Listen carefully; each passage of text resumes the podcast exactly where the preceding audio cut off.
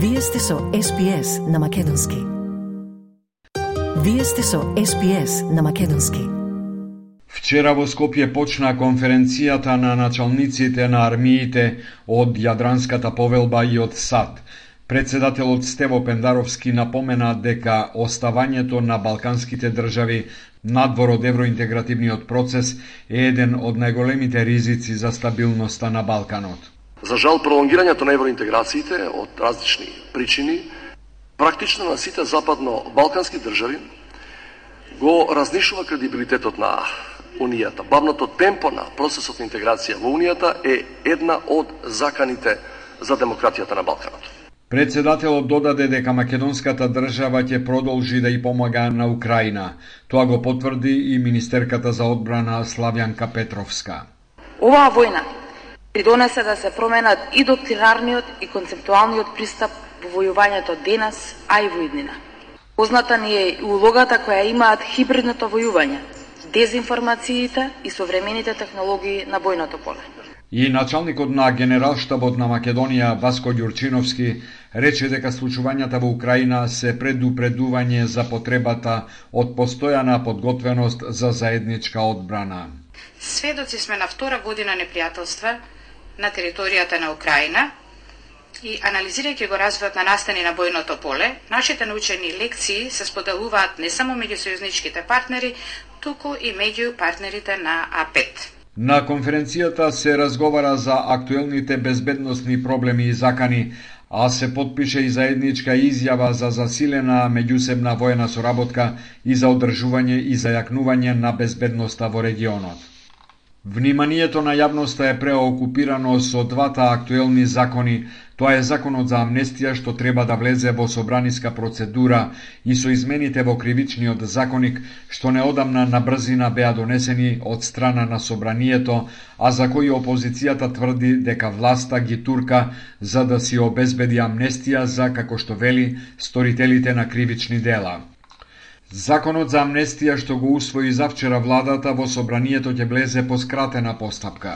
ВМРО ДПМН е најавува целосна блокада на процедурата за негово изгласување.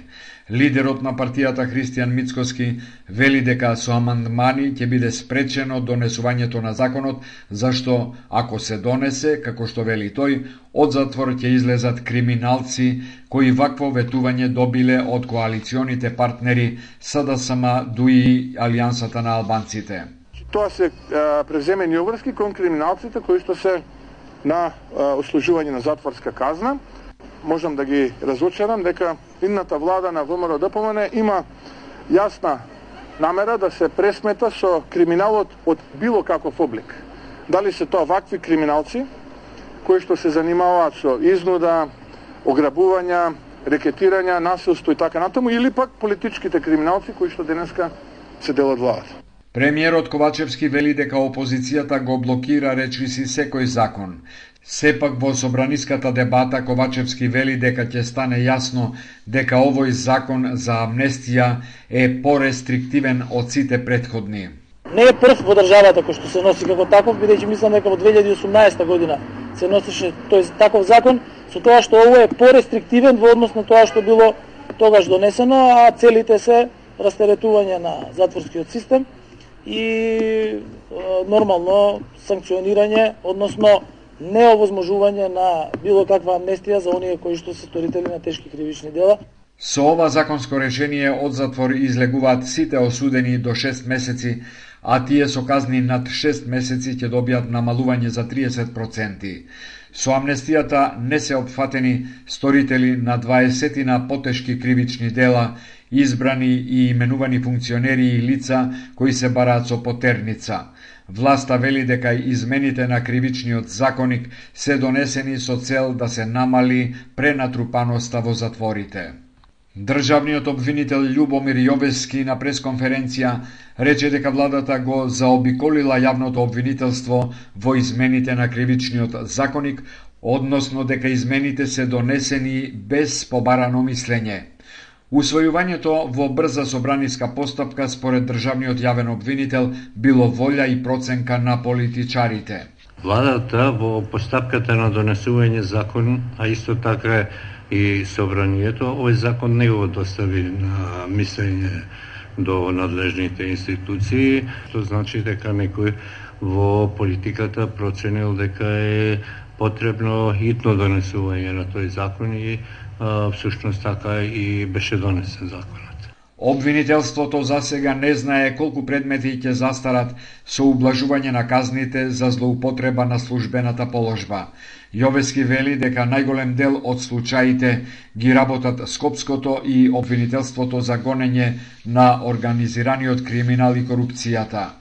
Обвинителите имале задача да ги спасат предметите. Мислам дека нема да застарат многу предмети, веројатно во определени предмети ќе се повеќе ќе се појави проблемот на преквалификација на кривичното дело од еден став во во друг во друг став. Според Јовески, за обвинителите не е се едно што предметите за кои вложиле огромен труд се пред застарување. Непријатно е чувството вие да работите повеќе години во еден предмет, биејќи станува за определени предмети, станува збор за навистина, за сложени предмети, за предмети во кои се обезбедувани докази и со меѓународна правна помош во определени предмети вложена е голема енергија од страна на обвинителите и сите и сега тие предмети или тие действија треба да се преквалификуваат како полесни кривични дела. Предходно и судскиот совет информира дека неговите членови не биле прашани за мислење за планираните измени во кривичниот законик. Од друга страна се зголемува фронтот за интерпелација за работата на државниот јавен обвинител Љубомир Јовески. Пратениците на Левица, Апасиев и Крмов се приклучија кон интерпелацијата иницирана од партиите од албанскиот политички блок. Пратениците на Левица велат дека Јовески, наместо да даде одговори и да поднесе одговорност за повеќе случаи кои не добија епилог, тој чека да биде избран за уставен судија. Интерпелацијата за Јовески ја поднесоа пратениците од Алтернатива Беса и Демократското движење пред две недели. Поддршка за интерпелацијата најави и ВМРО ДПМНЕ. Една од клучните забелешки за Јовески е предметот со Тетовската модуларна болница. Семејствата на жртвите побара разрешување на Јовески и останатите обвинители што работат на предметот. Британските компании што работат во Македонија ја формираа првата британска бизнис асоциација. Земјава е најголемиот трговски партнер на Обединетото кралство од Западниот Балкан, а според податоците на специјалниот пратеник за трговски односи со Западниот Балкан Мартин Викерс, британската компанија Джонсон Мети учествува со 16 насто од бруто домашниот производ на Македонија. Викерс вели дека и други компании од островот се заинтересирани за инвестирање во нашава земја. Uh, British companies that have shown considerable interest in a, in a whole range of Постојат британски компании кои покажаа значителен интерес во цела низа проекти, Кога ќе се вратам во Обединетото кралство, ќе ги охрабрам британските компании и ќе им ги предочам овдешните можности, но и во соседните држави. И британските компании се соочуваат со недостиг на работна сила, но нивните представници велат дека тоа е глобален проблем. Затоа велат дека е необходно да се инвестира во образованието, што би имало долгорочни ефекти. Вие сте со SPS на Македонски. Сакате ли да чуете повеќе прилози како овој? Слушате подкаст преку Apple Podcasts, Google Podcasts, Spotify или од каде и да ги добивате вашите подкасти.